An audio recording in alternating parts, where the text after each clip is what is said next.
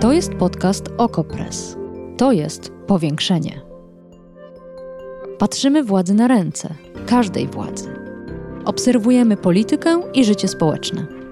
Ustalamy fakty, komentujemy wydarzenia i przede wszystkim rozmawiamy z Wami i z naszymi gośćmi. Zapraszam, Agata Kowalska.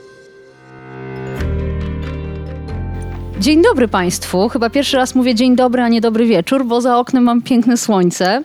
Zaczynamy powiększenie live, czyli nasze środowe spotkanie na profilu Okopres. To jest audycja na żywo, transmitowana na naszym Facebooku, co oznacza, że Państwo są do niej e, zaproszeni i bardzo zachęceni do zostawiania komentarzy, do pisania, do, do dołączania do dyskusji. Dzisiaj chciałabym porozmawiać o tym, jak możemy pomóc lasom w Polsce? Czy potrzebują ratunku? Czy potrzebują zostawienia w spokoju? Czy potrzebują jakichś systemowych zmian? A może wszystko jest jak, tak, jak trzeba? I jeśli chcemy pomagać lasom, to w jaki sposób? To znaczy konkretnie, co możemy zrobić? Czy musimy być leśnikiem albo naukowcem? A może trzeba dołączyć do jakiejś konkretnej organizacji ekologicznej? Co może zwykły człowiek? O tym chciałabym dzisiaj z Państwem porozmawiać, zaprosić do podawania przykładów, pomysłów. Wiem, że część z Państwa słucha nas z zagranicy. Jak to wygląda u Państwa w kraju? Co można zrobić, żeby las miał się dobrze i był lasem? Prawdziwym lasem. O tym wszystkim dzisiaj w powiększeniu. Zapraszam do komentowania. Trzymam w ręku telefon, będę na niego zerkać, bo o, dzień dobry, witam, witam panią Ewę, witam pana Adriana, witam pana Bartosza. Wszystkich państwa zachęcam do pisania pomysły na pomoc lasom w Polsce. Byle kulturalnie. To wszystkie, wszystkim będziemy się przyglądać. A będziemy się przyglądać wspólnie z naszym gościem. W drugim oknie widzą Państwo panią Martę Jagusztyn z inicjatywy Lasy i Obywatele. Dzień dobry pani. Dzień dobry Pani i dzień dobry wszystkim osobom po drugiej stronie ekranu. E, zawahałam się, bo czasem mówi Pani w wywiadach inicjatywa Lasy i Obywatelki. To jak w końcu się nazywacie? Albo tak, albo tak. Y, nazywamy się wymiennie, żeby nikogo nie wykluczać. Jesteśmy przyzwyczajeni i przywiązani do słowa obywatel, ale nie chcemy obywatelek wykluczać, tym bardziej, że ja sama jestem obywatelką, więc yy, mówimy wymiennie. Y, pewnie się część z Państwa dziwi, że nie ma z nami przedstawiciela lasów państwowych, a miał być. I proszę wierzyć, najbardziej mnie żal, że niestety to połączenie się nie uda. Nie uda się z powodów technicznych. Cyfryzacja w Polsce, jak się okazuje, nie postępuje znacząco dobrze i po prostu nasz gość gdzieś w, chyba w głębokim lesie ma zbyt słaby internet, żeby móc z nami porozmawiać, ale, ale, ale, tu od razu zastrzeżenie. Dzisiejsza rozmowa będzie zatem pierwszą Druga część z przedstawicielem lasów, lasów Państwowych, którą mam już tutaj zagwarantowaną ze strony e, właśnie lasów, również się odbędzie. W związku z tym proszę, e, proszę słuchać, proszę też brać udział w tej dyskusji. Do niej się będziemy odnosić w kolejnym spotkaniu z przedstawicielem lasów państwowych. Musimy tylko takiego przedstawiciela przenieść do któregoś z punktów w Polsce, gdzie działa internet. To nie będzie pewnie proste, E, zachęcam więc do pisania, jak chronić polskie lasy, co można zrobić, co jest stracone, a co jeszcze do uzyskania. Proszę komentować. Ale zacznijmy od mapy e, bo nie powiedziałam tego, a pani Marta Jagusztyn jest jedną ze współtwórczyń słynnej społecznej mapy wycinek, która to mapa została szeroko e, skrytykowana przez innymi oczywiście lasy państwowe. Ale zanim o tej krytyce, to zapytam, czy ta mapa miała być tylko pewną dokuczliwością z Waszej strony względem lasów państwowych, czy też możemy ją mm, zmieścić w tym katalogu sposobów na ochronę lasów? Jaki był jej cel, zanim wywołaliście awanturę? Mm, ja się nie zgodzę z tym, że to jest awantura i że myśmy ją wywołali. To przede wszystkim. Naszym celem w żadnym wypadku nie jest denerwowanie lasów państwowych. E, my z lasami państwowymi dużo rozmawiamy e, od, od pewnego czasu, bo też wszystko zaczęło się od tego, żeśmy e, własny las próbowali ochronić. Także nie, nie, nie taki był cel. Cel był taki, że właśnie u nas zaczęło się od tego, żeśmy sami próbowali się dowiedzieć, co w zasadzie można zrobić dla lasu. Stanęliśmy Żadne z nas, znaczy my, team główny, który stoi za, za mapą, to jestem ja, Grzegorz Jakacki i Paweł Pawlaczek, który nam konsultował to merytorycznie, ale Paweł Pawlaczek jest specjalistą, natomiast ja i Grzegorz nie jesteśmy i stanęliśmy, mamy jakby inny background zupełnie, jeżeli chodzi o wykształcenie. I w momencie, kiedy się okazało, że y, była plotka w naszej społeczności, że mają wyciąć las, to myśmy po prostu nie mieli zielonego pojęcia, jak do tego podejść. I wiem, że to jest doświadczenie bardzo, bardzo tak. wielu społeczności w Polsce, że przechodzą i nagle się okazuje, że las albo ma być wycinany, bo to są te słynne kropki, też do końca widzimy, widzimy kropki, nie wiemy, co się, co się będzie działo. Te kropki są w różnych kolorach, w różnych, w różnych miejscach, nie wiadomo, co ten kod znaczy, albo w ogóle las już w ogóle jest wycięty. E, i to jest już trochę za późno, więc A to od razu, przepraszam, przerwę. Z tymi mhm. kropkami to jest tak, że nie, nieistotny kolor, jak jest kropka, to drzewo jest do wycięcia, czy to jakiś jest szyfr? Nie, nie do końca. To jest tak, że to jest szyfr i on też jest, się różni w zależności od regionu. To też jest jakby jeden z postulatów, żeby ten szyfr, to jest jeszcze jeden szyfr lasów państwowych. To w ogóle jest wszystko strasznie zaszyfrowane. Mhm. Więc nasz na przykład jeden z takich bardzo praktycznych postulatów to jest opracujmy taki szyfr i żeby wszyscy dokładnie wiedzieli, co dany kolor znaczy. Zaraz, to to powiedzmy od e, razu, nie mhm. wszystkie kropki oznaczają wycinkę, to co jeszcze mogą oznaczać? Jeśli nie, nie mogą na przykład oznaczać, a mogą na przykład oznaczać, że tutaj będzie, że tutaj będzie wycinka, a na przykład u nas zielonym kolorem jest zaznaczona biogrupa, czyli to, co się na przykład zostawia. Ale jeszcze chciałam wrócić do tego, do tej naszego doświadczenia e, i skąd w ogóle ten pomysł mapy, bo no walczę z tym strasznie, że my tak chcemy tych y, leśników wkurzać, przepraszam za kolokwialne wyrażenie. Nie, ja nawet lubię rozmawiać z leśnikami, mam za sobą tak z 25 godzin negocjacji z leśnikami, więc to jest sporo i bardzo żałuję, że nie udało się dzisiaj porozmawiać, bo ja myślę, że tego dialogu bardzo, bardzo brakuje i że w ogóle musimy sobie go y, wypracować. No stąd był pomysł na audycję. To nie było po to, żeby wiem, się wiem, Państwo ze rozumiem. sobą kłócili, bo dziękuję uprzejmie, mamy zbyt dużo kłótni w mediach i nie poza mediami, natomiast no niestety się nie udało z przyczyn technicznych. To więc dlaczego mapa miała być narzędziem pomocy lasom? W jaki sposób miała pomóc? Dlatego, bo człowiek, człowiek przeciętny, po prostu obywatel, obywatelka, który nie ma wykształcenia leśniczego, właśnie jest skonfrontowany z możliwością wycinki, z taką plotką, jak w naszym wypadku, czy już z tymi kropkami, e, po prostu nie wie, co zrobić. To jest, styka się z systemem, którego totalnie nie rozumie. Jeżeli ma szczęście, a mhm. na przykład myśmy mieli szczęście, to ktoś mu powie, że istnieje coś takiego jak bank danych o lasach, wchodzi na tą stronę i to jest rzeczywiście rzeczywiście taki fajny system informatyczny, gdzie jest masa informacji o lesie i ja go bardzo polecam. I tam się rzeczywiście dużo można y, dowiedzieć, ale jeżeli chodzi o, o, tak zwany user experience, to to jest, czyli, czyli użyteczność tego, to w szczególności jeżeli chodzi o, o wiadomości o zabiegach gospodarczych, to on jest bardzo, bardzo mało czytelny. I myśmy się przez to przebili i on rzeczywiście jest szyfrowany, ponieważ kto na przykład wie, co to jest 4D albo TPP, albo co to jest procent grubizny. To są wszystko rzeczy, których y, przeciętny człowiek, nie będący leśnikiem, nie rozumie. To nie jest żadna fizyka kwantowa, to się daje zrozumieć, to jest w zasadzie dość proste, ale po prostu to trzeba wiedzieć. Ale moment, I... bo to jest wciąż mhm. niejasne dla mnie. Lasy państwowe prowadzą ten bank danych o lasach. Mhm.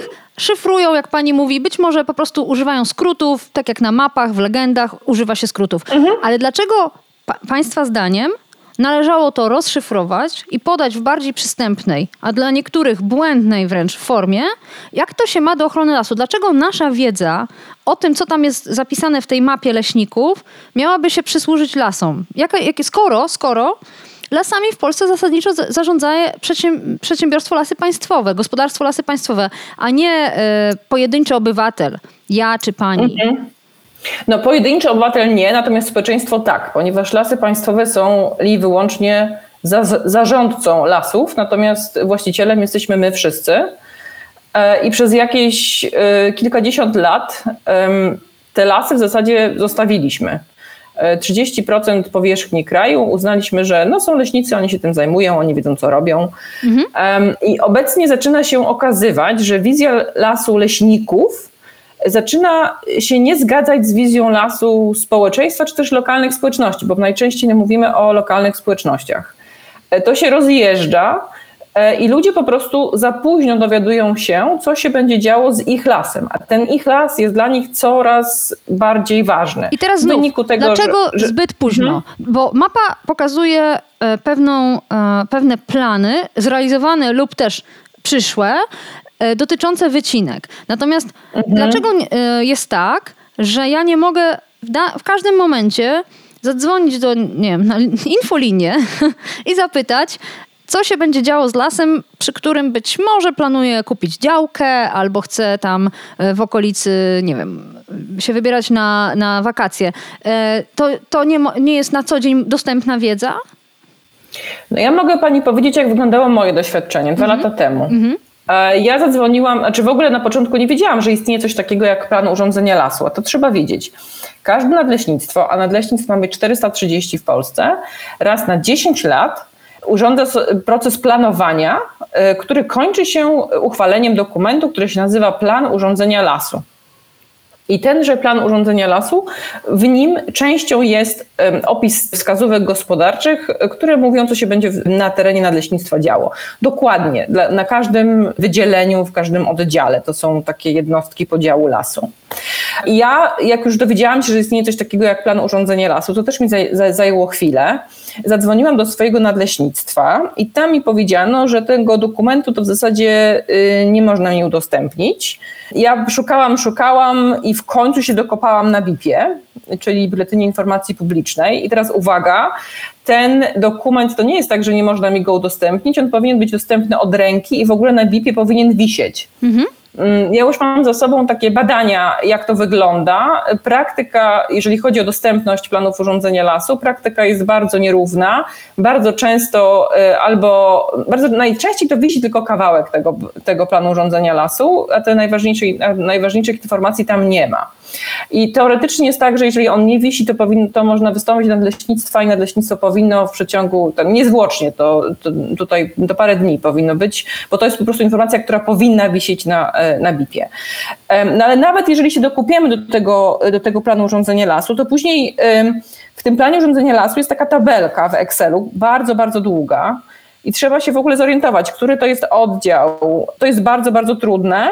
BDL, czyli Bank Danych o Lasach, to ułatwia, ponieważ on tą tabelkę y, z Excela, można sobie ją wyklikać, jak ktoś wie, gdzie kliknąć. Proszę spróbować, czy Państwo potraficie znaleźć swój las na BDL-u i się dowiedzieć, co się będzie w nim działo. Myśmy troszkę chyba odrabiali te lekcje, kiedy był plan wycinki uh mhm. w Puszczy Białowieskiej i wtedy te mhm. Excelowe tabelki pula, czyli właśnie y, tego planu urządzenia lasu, pojawiały się w mediach. Eksperci nam tłumaczyli, dlaczego ta liczba, która jest tu wpisana, jest na przykład skandaliczna.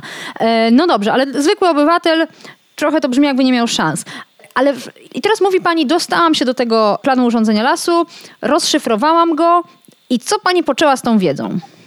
No, w moim wypadku to, co ja musiałam zrobić na przykład, to nie mając naszej mapy, która teraz powstała, ja po prostu narysowałam ręcznie mapę naszego lasu, jak zrobiliśmy spotkanie w lokalnej społeczności. Rozrysowałam, jak to ma wyglądać, zaznaczyłam, gdzie, gdzie mają być wycinki, też nie wiedząc dokładnie, gdzie będą wycinki, ponieważ Bank Danych o Lasach tego nie podaje. Podaje tylko, gdzie w którym pododdziale będą wycinki i na jakim obszarze w przeciągu tych 10 lat planu mhm. urządzenia lasu. Mhm.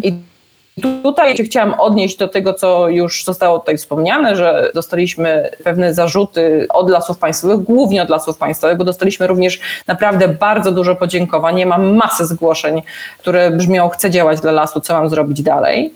Więc pierwszy zarzut jest taki, że my nie pokazujemy dokładnie miejsc rębni. I tutaj te, te takie materiały PR-owe, które wyprodukowały lasy państwowe i który, na których jest napisane nie ulegaj manipulacji, one pokazują to, że my rzeczywiście pokazujemy pod oddział, w mają się Mm, odbyć rębnie. Czego te materiały prasowe Lasów Państwowych nie pokazują, to to, że na mapie jest napisane kliknij. I jeżeli się kliknie w ten czerwony pododdział, to tam jest dokładnie napisane, że na tym pododdziale, który ma taki i taki obszar, wycinki będą miały miejsce na takim i takim obszarze i będą to wycinki takiego rodzaju. I to, co my robimy, to mamy algorytm, który przekłada ten szyfr leśniczy na język, który dla człowieka jest zrozumiały. Okej, okay. i teraz tu bym ucięła mhm. rozmowę o samej wiarygodności państwa mapy, mhm. dlatego że dużą analizę przeprowadził e, między innymi Robert Jurszo dla OKO.press. Można przeczytać e, bardzo dokładnie i porównywać to, co e, mówią lasy z tym, co mówią twórcy i twórczyni mapy. Natomiast znów wróciłabym do tego pytania. Okej, okay, społeczność lokalna, pani, obywatelka wie już, że w danym miejscu ma być prowadzona wycinka w ciągu najbliższych 10 lat. Co mhm. pani mogłaby począć z tą wiedzą? Ma, nie ma pani przecież żadnego wpływu na ten plan urządzenia lasu, więc po co? Chyba tylko dla frustracji. No nie. Nie? aż, tak, aż tak źle nie jest, mhm. aczkolwiek mogłoby się tak wydawać. Mhm. Po pierwsze, to ja muszę coś jeszcze sprostować, bo to musi zostać zrozumiane. To jest skomplikowany system i tutaj łatwo jest o nieporozumienia. Jeżeli ktoś pójdzie na naszą mapę, to na niej zobaczy, co jest przewidywane w bieżącym planie urządzenia lasu. Teraz każde nadleśnictwo ma ten plan urządzenia lasu w innym cyklu, więc w niektórych nadleśnictwach te plany się na przykład dopiero zaczynają, w innych się kończą, a w trzecich y, są w środku. Więc musimy wiedzieć, to zresztą jest napisane na naszej mapie, musimy wiedzieć, w którym momencie jesteśmy. I rzeczywiście to, co pokazuje nasza mapa, czasami będzie tym, co się ma stać, czasami jest tym, co się częściowo stało, a czasami jest tym, co się już prawie wszystkie, wszystko stało. I teraz wracając do Pani pytania, mhm. co ja mogę zrobić, jeżeli na przykład wiem, że tutaj jest kawałek lasu, który ma zostać wycięty i no, co ja mam zrobić, jeżeli powzięłam taką wiedzę, mówiąc tak, językiem prawniczym? Dokładnie. Po pierwsze, to ja myślę, że pierwszym krokiem to jest zastanowienie się, jaką funkcję pełni ten las i czym on jest dla, dla mnie czy dla lokalnej społeczności, bo to wszystko jest kwestia jakby dialogu i dogadywania się, bo to też nie jest tak, że jakby, że, że jest jedna osoba, która ma, ma jedną wizję, tak, i ona ma ogólnie obowiązywać, bo, no bo tak to nie działa. No i oczywiście y, musimy zdawać sobie sprawę z tego, że las rzeczywiście pełnią trzy funkcje. Czy to jak zapisano w ustawie o lasach, przyrodniczą, gospodarczą i społeczną. To, o czym my w dużej mierze mówimy, to, to jest funkcja społeczna oraz przyrodnicza. Lasy państwowe zdecydowanie priorytetyzują gospodarczą. I teraz, jeżeli mówimy na przykład o lesie, który jest, a są takie przypadki i ci ludzie się do nas zgłaszają, to lasy, które otaczają powiedzmy miejscowości uzdrowiskowe albo rekreacyjne, albo duże miasta. I są to lasy używane przez ludzi do, do rekreacji i też ja w zasadzie myślę, że jest też coś takiego teraz jak funkcja w ogóle taka duchowa lasu. Nie wiem, czy ona wchodzi w społeczną, czy nie. To należałoby się przede wszystkim zastanowić, czego my byśmy oczekiwali, co dla nas jako jednej osoby z dużej grupy, która jest odpowiedzialna za ten las, co my sobie myślimy, że tam powinno być. I Ale tutaj zaraz, to jest duże pani, wyzwanie. Ja rozumiem. Mhm. Ja mogę powiedzieć, ja chodzę do lasu na spacery, ktoś inny powie, chodzę mhm. do lasu na grzyby, trzecia osoba powie, że chodzi tam, bo tylko tam nie ma smogu, a leśnik powie, Pani kochana, ja i tak nic nie mogę zrobić, bo ja mam zapisane, że mam tyle i tyle drewna dostarczyć w ciągu tych 10 e, lat, i ja po prostu, to jest moje e, e, nadleśnictwo i ja muszę spełnić ten plan. Tu nie ma miejsca na rozmowę, na dyskusję, bo ja mam wytyczone, to jest mój obowiązek, Mhm. Jak go nie spełnię, to mnie zwolnią. Więc gdzie tu jest miejsce na rozmowę? Gdzie to ma, co to ma za znaczenie? Czy ktoś zbiera grzyby, czy spaceruje? Mhm. Znaczy, zaraz do tego dojdziemy, bo to jest po prostu długi proces. I ja myślę, to co ja teraz próbuję podkreślić, to to, że zanim pójdziemy do nadleśnictwa i rzeczywiście to, albo znaczy należy przede wszystkim chodzić nadleśnictwa. Nie ma co rozmawiać na niższych poziomach z podleśniczym, czy podleśniczą, czy z leśnikiem, czy z leśniczą. Należy się udać do nadleśnictwa i rozmawiać z nadleśniczym. Nie wiem, czy są jakieś kobiety nadleśnicze? Chyba nie, ale jeżeli tak, to proszę mi poprawić. Musimy się zastanowić, ponieważ wiemy, już to jest pewne i oparte na bardzo wielu obserwacjach, że nadleśniczy w tym momencie powie, ale to jest las gospodarczy. Więc musimy wiedzieć, co byśmy chcieli od tego lasu i najlepiej jak najwięcej wiedzieć, zanim się do nadleśnictwa pójdzie. Takie jest moje doświadczenie. I teraz nadleśnik mówi, to jest las gospodarczy, nie mogę, nic, nie mogę nic zrobić, nadleśniczy, nie mogę nic zrobić. Y, plan urządzenia lasu został już uchwalony decyzją ministra. Mhm. Koniec. A my na to mówimy, okej, okay, dobrze, ale jedyne, czego pan nie może zrobić, zgodnie z prawem, to jest pozyskać więcej drewna, niż zapisano w planie urządzenia lasu. Może pan pozyskać mniej i będzie to zgodne z prawem. Prawdą jest również, że żaden plan urządzenia lasu w Polsce nie został nigdy wykonany dokładnie tak, jak go zapisano. I nadleśniczy ma tutaj bardzo y, duże pole manewru. Musi mieć tylko powód. Czy ważna rola społeczna tego lasu jest takim powodem? No dla mnie jest. Czy to, że ktoś odnalazł wartości przyrodnicze i chce je chronić, jest. Czy to na przykład, że ludzie się zorientowali, że szlaki zrywkowe w lesie powodują to, że u nich na dole są powodzie? Moim zdaniem jest to bardzo ważny powód. No dobrze, to ja. Y Ależ mhm. mam dzisiaj okropną rolę, bo właściwie chciałam powiedzieć, mam nadzieję, że ma Pani rację i się szeroko uśmiechnąć. A zamiast tego pamiętam, mhm. jak y, eksperci wykazali, że wycinka lasów w górach, między innymi y, w Karpatach, jest nieopłacalna. A mimo to Mhm. drzewa są cięte. Czyli Mhm. lasy państwowe dopłacają do tej wycinki, Mhm. a mimo to ją robią. A pani mówi, że argument typu las to ważne miejsce dla społeczności miałby przeważyć. Jeśli oni sami tracą nawet pieniądze na tym, a mimo to to robią, to jakie, y, jakie słowa otuchy miałaby pani dla nas, twierdząc, że ta argumentacja może zadziałać? A może ta historia, którą pani na początku przytoczyła, skończyła się pozytywnie? Ona się skończyła pozytywnie, O, tak. proszę. Znaczy, jeszcze się nie skończyła tak naprawdę, ale na razie las stoi. Dzisiaj go widziałam rano, stał. A co zadziałało? E, Ale ja, słucham, no zaraz, zaraz Mhm. powiem. Ja chcę tylko powiedzieć, że ja dopiero zaczęłam. Ja się dopiero rozkręcam. Ponieważ chyba jak miała to wszystko pod, podsumować, to powiedziałabym tak.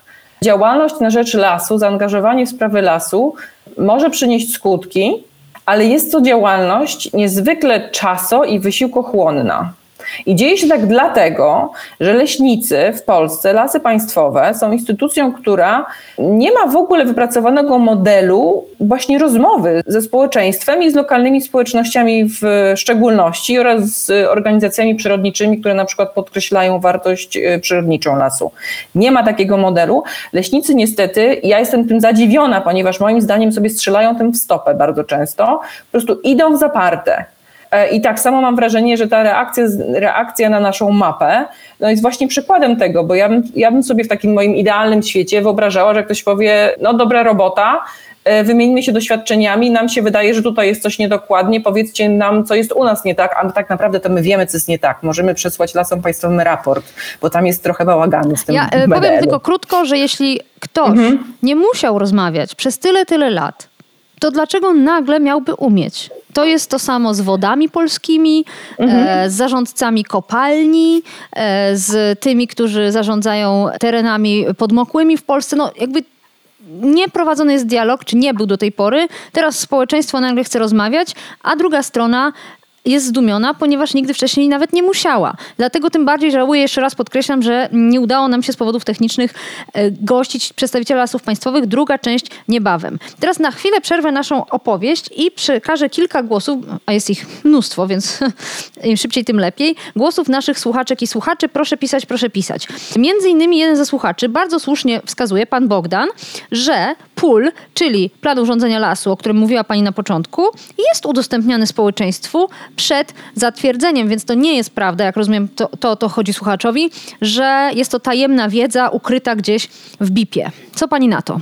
A to ja się do tego mogę odnieść i mam badania na to. Bo rzeczywiście jest tak, że plan urządzenia lasu, proces planowania planu urządzenia lasu trwa dwa lata. To i to jest też ważne, żeby to powiedzieć.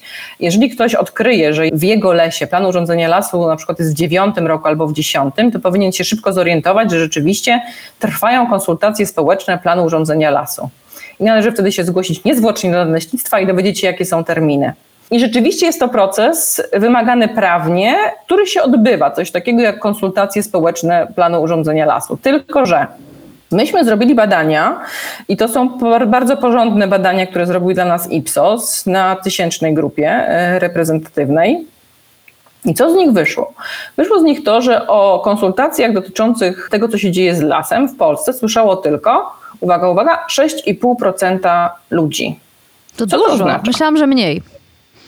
Szczerze mówiąc, ja też myślałam, że trochę mniej, ale to oznacza, że to, że ogłoszenia o tym, że ten plan jest wyłożony, które się pojawiają w BIP-ie, a czasem w lokalnej gazecie, i to też wiem, jak to się zdarza, ponieważ y, przyjrzałam, myśmy zebrali wszystkie pule, które teraz obowiązują i przyjrzeliśmy, y, w jaki sposób one, ten proces planowania się odbył. E, Więc ogłoszenia są na BIP-ie albo w lokalnej gazecie, w takiej sekcji takich bardzo nudnych ogłoszeń, których nikt nie czyta. Więc żeby się w ogóle dowiedzieć, że coś takiego się y, dzieje, to jest duże szczęście. I to się dzieje w sytuacji, kiedy lasy państwowe i nadleśnictwa mają ogromne pieniądze na to, żeby się ze społeczeństwem komunikować. Każde nadleśnictwo ma swojego rzecznika prasowego. Prawie każde nadleśnictwo ma swojego Facebooka, ma swoją stronę internetową.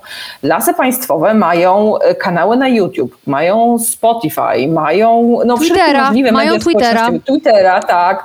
Jakoś po prostu wszystko wiemy, wiemy o tym, wszyscy w Polsce wiedzą o tym, co jest zresztą bardzo fajne, że leśnik y, spotkał rysia, który leżał na ściętym drewnie i fajny jest ten filmik. Natomiast o tym, że są konsultacje społeczne i że można przyjść i się wypowiedzieć na temat lasu, e, nie wie prawie nikt. I jeszcze jest następny, następny krok, bo jeżeli się już dowiemy, to są tak naprawdę są takie, takie ścieżki ćwiczeń, które nam się urządza jako obywatelom i obywatelkom.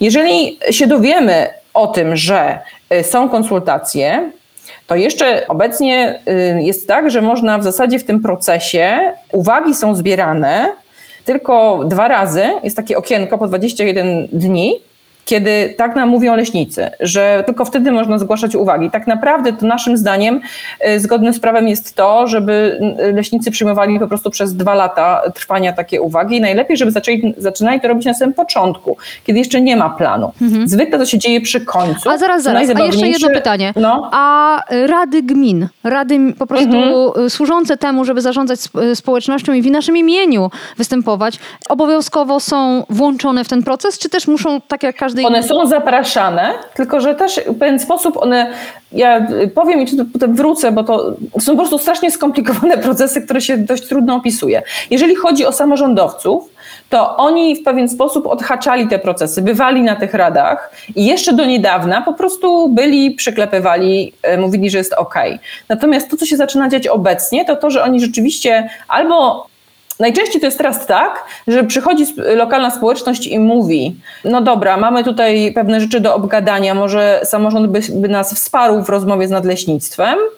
I samorząd się budzi i okazuje się, że był zaproszony i nawet ktoś tam poszedł na tą naradę techniczno-gospodarczą albo na komisję projektu planu, tylko że nic nie powiedział i w zasadzie nic, również nic nie rozumiał, ponieważ wszystko tam, te dokumenty są napisane takim językiem też, że to trudno się jest zorientować. Trzeba speców. Ale chciałam jeszcze wrócić, mhm. bo to jest długi proces i w tym momencie jesteśmy w, w tym czasie, kiedy obywatel i obywatelka idą i składają swoje wnioski. Powiedzmy, że zdążyli, dowiedzieli się, wstrzelili się w to okienko 21-dniowe, złożyli swoje wnioski. No i co? I polecam lekturę protokołów z takich spotkań. Większość tych wniosków, olbrzymia większość, jest po prostu odrzucana i w zasadzie jest odrzucona na takiej zasadzie, że y, my wiemy lepiej. I w zasadzie my również leśnicy mówią, my lepiej wiemy, w jaki sposób realizować społeczną funkcję lasu. Jeżeli chodzi o gospodarczą, mogę się zgodzić. Jeżeli chodzi o przyrodniczą, może, y, aczkolwiek myślę, że organizacje przyrodnicze tutaj mają bardzo dużo do powiedzenia. Jeżeli chodzi o funkcję społeczną, no to już totalnie nie mogę się zgodzić, bo lokalna społeczność mówi, w jaki sposób widzi las, i chciałoby w nim przebywać. I to oni to powinni definiować, ja myślę, a nie. Że, że to leśnicy. jest jeden z filarów tego sporu. Tutaj też pojawił się komentarz jednego ze słuchaczy, że tak jak lekarze leczą, tak e, leśnicy e, zajmują się lasem, a i tutaj następuje kilka nieuprzejmych słów, których nie będę cytować i zachęcam do pisania w sposób kulturalny. Różne, różne osoby, które mieszkają w blokach, nie powinny się do tego wtrącać. No więc co pani na to, że las, w lasach państwowych są specjaliści, którzy pokończyli różne studia, różne szkolenia, znają się na tym, jak rośnie las i jakie pełni funkcje, i po prostu powinniśmy im zaufać i wierzyć w to, że robią najlepszą możliwą robotę. Mhm. O, tylko mogę jeszcze skończyć o tym procesie planowania? Dwa zdania. Um, bo jeżeli chodzi o ten proces planowania, to też mam badania i 38% społeczeństwa wyraziło chęć wzięcia udziału w takich konsultacjach, natomiast 79%, jeżeli pokaz pokazaliśmy im scenariusze tego, jaki wpływ powinna mieć lokalna społeczność. 79% wybrała takie scenariusze, które dają lokalnej społeczności więcej wpływu, bo obecnie, nawet jeżeli zgłosimy te wnioski, zgłosimy te wnioski to w zasadzie nie mamy żadnego, y, żadnej decyzyjności, tak? Więc to chciałam powiedzieć. Mm -hmm. No a co z tym wtrącaniem się w cudzą mm -hmm. robotę? Nie mówimy policja... Skąd mi ta policja przyszła do głowy? Dobrze, nie mówimy lekarzom, jak mają leczyć. Może też mundury, tylko e, inny kolor. No, pewnie też inne powody. E, nie mówimy lekarzom, jak mają leczyć, nie mówimy e, kierowcom autobusów, jak mają kierować. Dlaczego wtrącamy się do leśników? Jeżeli chodzi o funkcję gospodarczą, to jeszcze mogłabym się zgodzić. Chociaż to też nie jest tak, że, że nie ma innych, innych sposobów postrzegania lasu. Ja w ogóle uważam, że wiedza na temat zarządzania lasem, leśnictwo zostało w pewien sposób przekształcone w taką broń przeciwko społeczeństwu. I to jest taka twierdza, w której leśnicy się, leśnicy się zamykają i rzeczywiście są przekonani o tym, że tylko oni posiedli jedyną możliwą wiedzę na temat lasu. A to nie jest prawda. Szczególnie teraz, w dobie zmian klimatycznych, ja na przykład chciałabym się dowiedzieć, jaka, jak, jaka jest strategia pols polskich leśników dotycząca zmian klimatycznych. To, to, czego się dowiaduję, to to, że sadzimy więcej drzew liściastych. To jest dla mnie niewystarczające. I wiem, że jest wiele naukowców, którzy zajmują i naukowczyń, którzy, którzy i które zajmują się właśnie naukami leśnymi albo na przykład biologią. I oni się z wizją leśników nie zgadzają. Są również takie osoby, które zajmują się tą gospodarczą stroną, tą gospodarczą funkcją lasu i też uważają, że polska wizja tego, jak gospodarować, ta polska szkoła leśnictwa jest już przestarzała. My na przykład, na przykład jest tak, że polski leśnik uważa, z tej klasycznej, konserwatywnej szkoły, że każdy kawałek lasu w tym samym czasie pełni wszystkie funkcje, to znaczy jest zarówno produkcyjny, jak i rekreacyjny, czy tam społeczny i, i, i również ta funkcja przyrodnicza się tak re, tam realizuje. To nie jest prawda. I to jakby to jakby na logikę od razu widać. Mhm. Więc nawet jeśli chodzi o tą e, kwestię gospodarczą, czy funkcję gospodarczą, to to jest dyskusyjne. Jeżeli chodzi o przyrodniczą, no to to już jest bardzo dyskusyjne, ponieważ jak pani sama wspomniała, Karpaty są cięte e, czy niszczone, kiedy tak naprawdę to jest deficytowe, więc to też się jakoś nie spina, tak? I prawda jest też taka, że jest, ja rozmawiam z leśnikami, również rozmawiam, rozmawiam z nimi offline, tak? E, to tak Bardzo jak wielu leśników na wysokich stanowiskach mówi, e, ja uważam, że cała puszcza, puszcza, powinna być parkiem narodowym, a Karpat nie powinniśmy ciąć, tak? Też Tylko słyszałam takie wypowiedzi. Takie. E, leśniczy mi powiedział i to na wysokim stanowisku, to jest kompletnie bez sensu, że oni nam każą to ciąć, no ale tniemy, bo co mamy robić? Więc to też no, to jest jakieś takie okopanie się mhm. w tej swojej XIX-wiecznej wizji leśnictwa i w jakiejś takiej swojej pozycji, która e, no to jest to jest dostęp do zasobów, które rosną o 30% y, powierzchni kraju. To są olbrzymie zasoby i na pewnym poziomie wcale się nie dziwię, że temu zabetonowaniu i takim, takiej obronie, ale to nie jest tak, że to, co robią polscy leśnicy jest bezdyskusyjne, jest bardzo dyskusyjne. Proszę... A jeżeli już chodzi o funkcję społeczną, to ja po prostu nie widziałam badań, które by, które by wykonały lasy państwowe i których by wynikało, jak naprawdę społeczności lokalne i społeczeństwo widzą lasy, czego by chciały od tych lasów. Takich badań po prostu nie ma. Ja nie wiem, kto się w lasach państwowych zajmuje funkcją społeczną lasów. Funkcją społeczną nie jest stawianie tablic informacyjnych i robienie ścieżek przyrodniczych.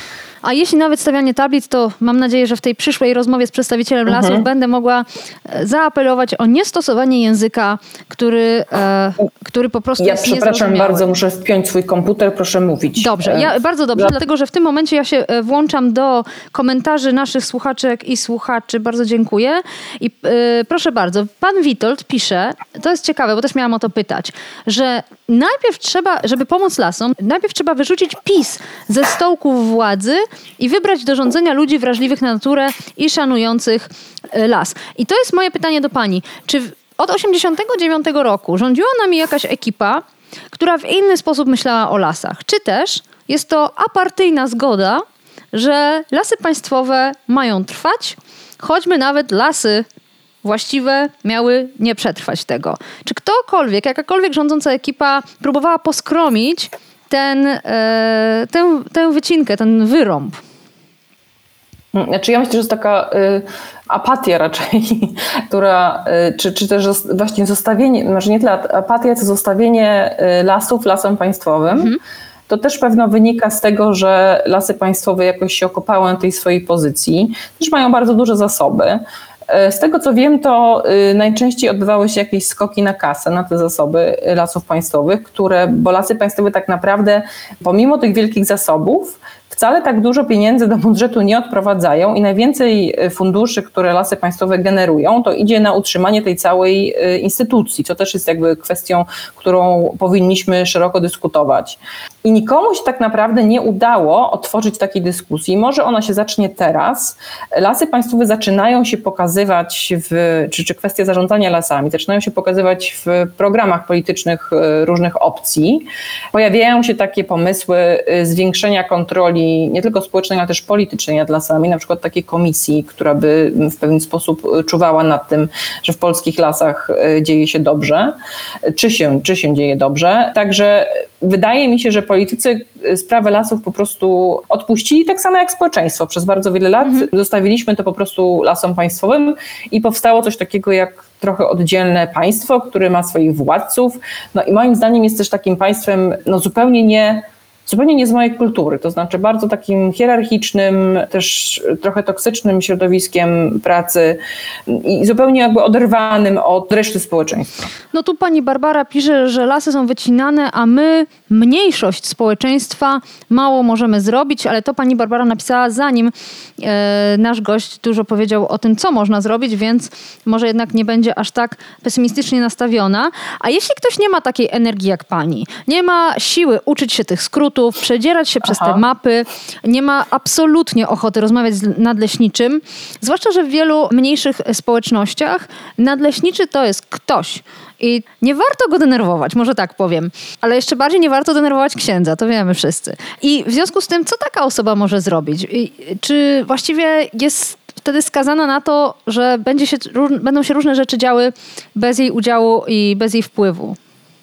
Znaczy, ja w ogóle jeszcze tak nawet nie zaczęłam dokładnie mówić o tym, co można zrobić, bo tych sposobów działania jest, y, zaczęliśmy od tych rzeczy zupełnie podstawowych, to znaczy zrozumienia tego, co się z lasem ma dziać, wypracowania sobie tego, jakiejś swojej wizji tego, jak, jak by się chciało, żeby las wyglądał i ewentualnie, jeżeli się ma szczęście, jeżeli są te konsultacje społeczne, jeżeli człowiek się wstrzeli, to wzięcia w, w, nim, mm. w nich udziału.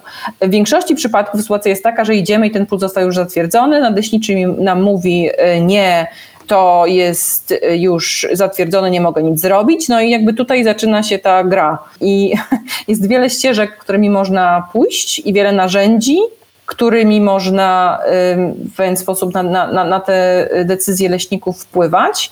To jest trudne.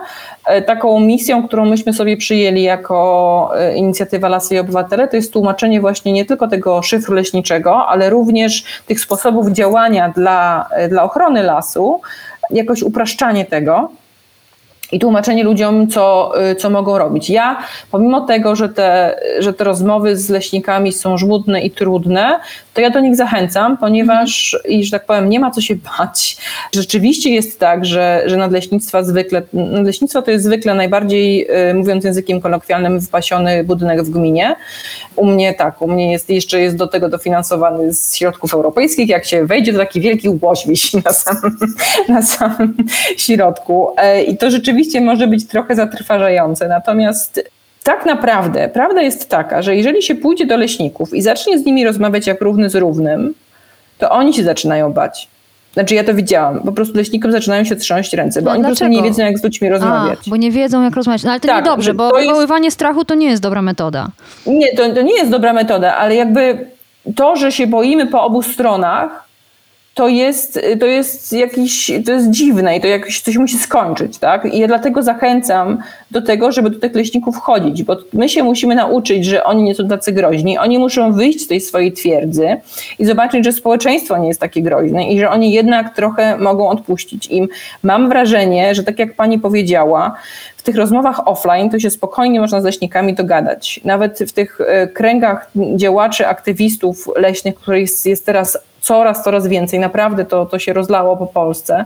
My często sobie rozmawiamy, w jaki sposób działać i często mówimy, że taki pierwszy krok to jest y, po prostu pójść pogadać z y, nadleśniczym, żeby to nie wyszło wyżej, bo jak wyjdzie wyżej, to po prostu wszystko się zabetonuje, ponieważ wiadomo, że nie można społeczeństwu odpuścić Tak. Więc to są wszystko takie chore mechanizmy i nie przełamiemy tego, nie chodząc i nie rozmawiając z leśnikami.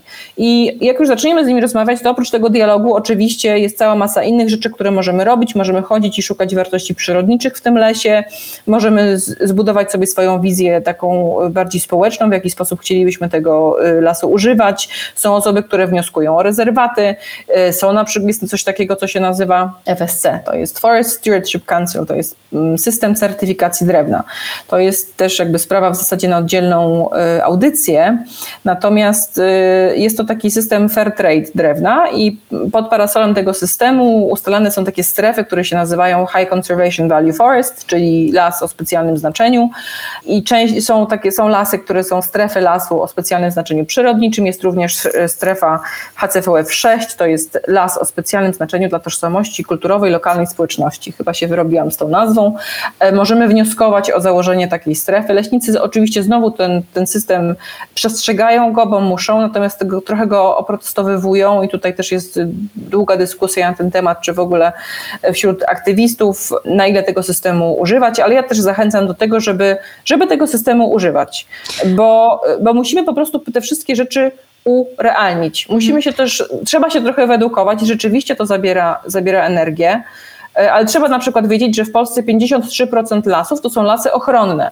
Jeżeli leśnik nam mówi, nic nie mogę zrobić, bo to jest las gospodarczy, to trzeba sprawdzić, czy to przypadkiem nie jest las ochronny i wtedy po prostu mówimy leśnikowi, przepraszam, ale według waszych dokumentów to jest las ochronny i jego główną funkcją nie jest funkcja gospodarcza. Ale jeśli widzę las, w którym drzewa rosną mhm. od ym, linijki, poszycie jest marne i często jest to monokultura, to jestem pewna, że jestem w lesie gospodarczym, prawda? Co to jest za kategoria las ochronny? Niekoniecznie. To, nie? No właśnie proszę wyjaśnić, bo mamy parki narodowe, mamy parki krajobrazowe, mamy rezerwaty, a pani użyła zupełnie innej kategorii. Las ochronny to jest taka kategoria, która jest zapisana nawet w ustawie o lasach. I to są lasy, które mają szczególny status i powinny być chronione ze względu na różne rzeczy. To mogą być lasy, które na przykład są lasami wodochronnymi. To mogą być lasy, które są dookoła y, większych miejscowości. To mogą być lasy, które są y, na terenach, które zostały w jakiś sposób zniszczone. Są różne kategorie ochronności e, i to nie, nie chodzi wyłącznie o ich wartość przyrodniczą i, i naturalną. Ale tam wolno ciąć. To nie jest tak, że one są... Tak. No to... Obecnie, tylko problem polega na tym, że ta kategoria istnieje na papierze. Ona po prostu nie ma zębów. Mm -hmm. Nie mhm. jest, mm -hmm. Te lasy nazywają się ochronne, ale nie są chronione. I to też jest coś, co tak naprawdę to jest, to też jest taka fasada, która jest do rozmontowania i do wymiany. Tak samo jak fasadą są konsultacje społeczne. To wszystko są pewnego rodzaju iluzje. Ja to wszystko notuję, ponieważ będziemy mieć, mam nadzieję, jak najszybciej rozmowę z przedstawicielem lasów państwowych i to są wszystko ważne wątki, o które warto zapytać. Pani Waleria bardzo ciekawie pisze, uprzedzając moje zresztą pytanie, część lokalnej społeczności pracuje w lasach, wielu korzysta z lasu, pali drewnem, żeby się ogrzeć mhm. cały rok. E, albo żeby ugotować. Wielu chce ciąć drzewa, bo na przykład, pisze pani Waleria, chociaż tego nie słyszałam jeszcze, bo nie dociera do nich sygnał telewizji satelitarnej albo telefoniczny. Co pani na to odpowie? Bo to jest prawda. Wiele osób w Polsce żyje z lasu, nie tylko zatrudniając się w tym lesie, ale po prostu zbierając coś albo, um, albo paląc drewnem. Znaczy, jeżeli ich zbierają, to nie wiem, jakby, co, co jest dla nich ważne. Podejrzewałabym, że właśnie utrzymanie tego lasu. Jeżeli chodzi o użytkowanie drewna, to ja się mogę przyznać, ja też palę drewnem. I e, w żaden sposób powiedziałabym od razu. I też, jak może widać, mam drewniane meble. Mam no drewniane właśnie. meble. No to jak... Jak, jak, jak leśnicy wypominają wszystkim na forach internetowych, używam papieru toaletowego. Po prostu tak, tak. Zdecydowanie jakby używamy drewna i nikt z nas y, po tej stronie takiej aktywistycznej nie mówi, że funkcja gospodarcza nie jest ważna. Jest ważna tylko chodzi o to, żeby to jakoś równoważyć. To nie jest system zero-jedynkowy i do tego potrzebujemy jakiejś rozmowy, zarówno na poziomie lokalnym, jak i na poziomie y, ogólnokrajowym.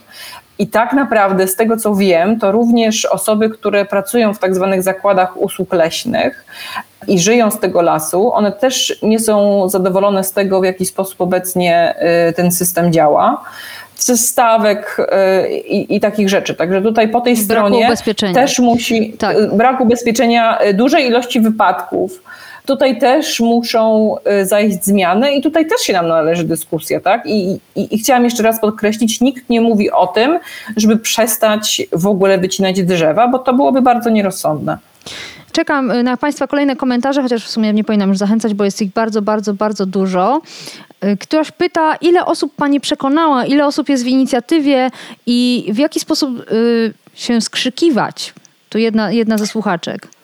Pani e, to nie jest tak też, że ja tylko przekonałam, to się zaczyna dziać w bardzo wielu miejscach e, w Polsce. E, nasza inicjatywa w ogóle zaczęła się od tego, że zaczęliśmy dokumentować miejsca, w których ludzie działają dla lasu. W lutym 2020 założyłam mapę i na niej było 30 punktów.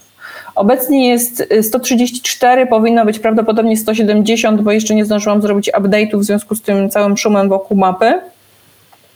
Natomiast i 70 tych, z tych 134, 70 tych inicjatyw lokalnych rozpoczęło się w roku 2020 i no i teraz na, na początku 2021 i bardzo często są to inicjatywy już bardzo głośne, takie jak na przykład y, wąwozy kleszczowskie albo Las Murckowski w Katowicach. Ta data to nie jest przypadek, prawda? Pandemia, Słucham? coś, ta data to nie jest przypadek. Pandemia, no, pandemia coś tak. zrobiła nam z głowami. Ruszyliśmy do lasów i zaczęliśmy zadawać pytania i zaczęliśmy mieć chyba trochę niektórzy za dużo wolnego czasu. Szybkie pytanie o tym. Ja mogę jeszcze tak, dokończyć, szybkie pytanie bo... o tym, co padło, mhm. bo pan Maciej pyta, jak sprawdzić, które lasy to lasy ochronne. Więc jeszcze odpowiadając na, na to pytanie y, wcześniejsze, y, jeżeli ktoś chce zacząć działać, to ja bardzo zachęcam do tego, żeby się zgłosić do nas. Na stronie internetowej lasojobywatele.pl jest taki formularz i, I tam jakby, jeżeli ktoś się zgłosi, to, y, to odpowiemy i, i powiemy i też jakby my się, jest tak, że y, są sposoby na to, żeby się wymieniać doświadczeniem i informacją, żeby ludzie nie zaczęli, nie zaczynali zawsze od, od początku. Jak się dowiedzieć, czy lasy są lasem ochronnym? To można sprawdzić obecnie w Banku Danych o Lasach, a jest to również na liście rzeczy naszej do zrobienia. Po prostu u nas też już bardzo niedługo się pojawi taka informacja, ten las jest lasem ochronnym. Y, to znaczy na mapie, Bo, czy osobna tak, lista? Na mapie, mhm. na mapie naszej, natomiast obecnie to również, ta informacja również jest w Banku Danych o Lasach, tylko jest zaszyfrowana, uwaga, uwaga, ochr. Jak tam jest napisane ochr, to znaczy, że to jest las ochronny. Super. Takiej y, tabelce, która wyskakuje. Ktoś napisał, że chyba pan Michał, przepraszam, jeśli mylę, że te skróty są stosowane od lat, wystarczy się nauczyć. No to nie jest zbyt otwarte podejście e, do sprawy, bo rzeczywiście e, no myśmy ich od lat nie ćwiczyli, a też chcemy zrozumieć. Kolejna osoba e, pyta, Pan Wojtek, mam takie pytanie o dostęp młodych ludzi do lasów polskich. Słyszałem od studentki leśnictwa, że bez znajomości Ach, do lasów, w sensie do lasów państwowych chyba, mhm. o to mhm. pan pyta. Że bez znajomości nie da się tam dostać, bo mm, to, to organizacja jest zablokowana przez stare wygi i dostępna tylko dla lojalnych i swoich. Może przydałoby się ją otworzyć na nowych członków. Co pani o tym wie? Czy to prawda, że lasy państwowe są zamknięte? E, ja dużo nie wiem, to jest pytanie tak naprawdę do lasów państwowych. Zanotujemy. Wiem, że to, jest, to są po prostu bardzo dobre posady. To są posady, e, tam są bardzo wysokie pensje. Również można e, po jakimś czasie taniej kupić mieszkanie, nawet bardzo taniej, co ostatnio nawet miało to zostało, było szeroko dyskutowane e, na przypadku dyrektora generalnego, e, więc to są po prostu bardzo intratne posady i to jest 26 bodajże tysięcy osób, e, które w lasach państwowych pracują i mają po prostu bardzo dobrze płatną robotę. I może dlatego tyle osób do tych lasów państwowych się garnie. Tylko, że jest taki problem, że jeżeli później nie chce się już w tych lasach państwowych pracować, a ostrzegam też, że atmosfera y, nie jest zbyt dobra i są na to badania. Nawet takie wewnętrzne lasy państwowe robiły. Teraz nie przypominam sobie procentów, ale y, mogę na następną rozmowę się przygotować. Sami leśnicy wiedzą, że to nie jest zdrowe środowisko pracy. To nie jest taka nowoczesna, płaska struktura, tylko bardziej hierarchia i, i, i trochę tam jest strachu. Więc no, są plusy i minusy, ale jeżeli ktoś by chciał później przestać pracować w lasach państwowych, no to już to, to po prostu ma bardzo mało y, i też to jest też powodem, dlaczego y, ci leśnicy tak strasznie tych lasów bronią i tych stanowisk się trzymają. Po prostu innej roboty nie znajdą. Jeszcze na sam koniec chciałabym porozmawiać o języku. Ostatnio przekonywałam na Twitterze, że powinniśmy rozdzielić dwa pojęcia. Bo kiedy lasy państwowe, leśnicy mówią o lesie, to często mają na myśli coś, co ja nazywam plantacją. Czyli miejsce, gdzie się sadzi drzewa, czeka aż wyrosną, ścina się drzewa. E, I tak w kółko. Prowadzi się drogi do zrywki i całą tę tak zwaną gospodarkę leśną. Natomiast to, co ja nazywam lasem, jest miejscem, w którym ta przyroda jest bardzo różnorodna, nie tyle nietknięta ręką człowieka, co ewidentnie nie przeznaczona przede wszystkim do, e, do zarabiania pieniędzy. Czy pani uważa, że ten, to moje podejście, to, to, to słowo plantacja jest nadmierne i nie prowadzi do dialogu? Może macie swoją propozycję, tak żeby było jasne, o czym rozmawiamy, kiedy mówimy las. Ja myślę, że ten rozstrzał tego pojęcia jest jeszcze większy, ponieważ dla leśnika e, zrąb jest również lasem, a dla społeczeństwa no już raczej nie. Pustynia mówi się wtedy często. Słucham? Pustynia mówią, e, mówią Tak. często. Em, więc em, no i, jest z tym problem rzeczywiście. Ja nie wiem, czy to należy uwspólniać, bo to jest chyba normalne, że, że jakaś grupa zawodowa ma swój język. Problemem jest raczej to, że ta grupa zawodowa nie uznaje innej wizji lasu. Nie uznaje tego, że na przykład biolog już zupełnie inaczej e, patrzy na las, a przeciętny obywatel to już dla niego y, to też jest zupełnie co innego. I raczej chyba chodzi o to, żeby leśnicy uznali, że istnieją inne perspektywy i że oni również muszą je uszanować, dlatego, bo, y, dlatego że są tylko zarządcą tego lasu.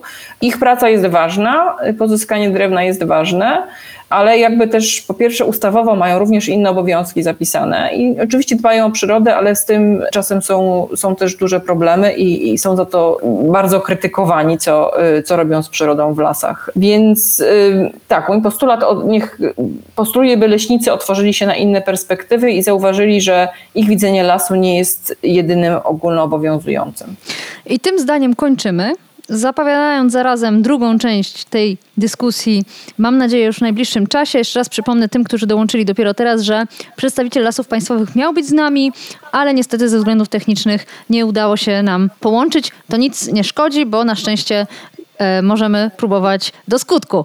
I wiele z kwestii, które dzisiaj e, zostały podniesione, ja spiszę, zanotuję i wniosę do tego drugiego odcinka, żebyśmy mieli poczucie kontynuacji, a nie ciągle mielenia tego samego, czego sobie i Państwu życzę. Serdecznie dziękuję za wszystkie komentarze. E, Również je spiszę, więc jeśli któryś nie został zacytowany, to proszę się nie martwić. E, Do niego wrócimy w kolejnej rozmowie. No i serdecznie dziękuję naszemu gościowi, pani Marta Jagusztyn z inicjatywy Lasy i Obywatelki. Bardzo dziękuję za to spotkanie. Dziękuję i dziękuję za komentarze i bardzo chętnie je przeczytam. Za- Zachęcam. Wszystko na Facebooku. Do usłyszenia do następnej środy o 18. Powiększenie. Podcast Okopres. Prowadzenie Agata Kowalska. Podcast znajdziesz na stronie Okopres i w Twojej ulubionej aplikacji do podcastów. Redakcja Okopres działa od 2016 roku. Jesteśmy obywatelskim narzędziem kontroli władzy, obecnej i każdej następnej. Okopres utrzymuje się z Waszych darowizn. Wesprzyj nas, byśmy mogli działać dalej.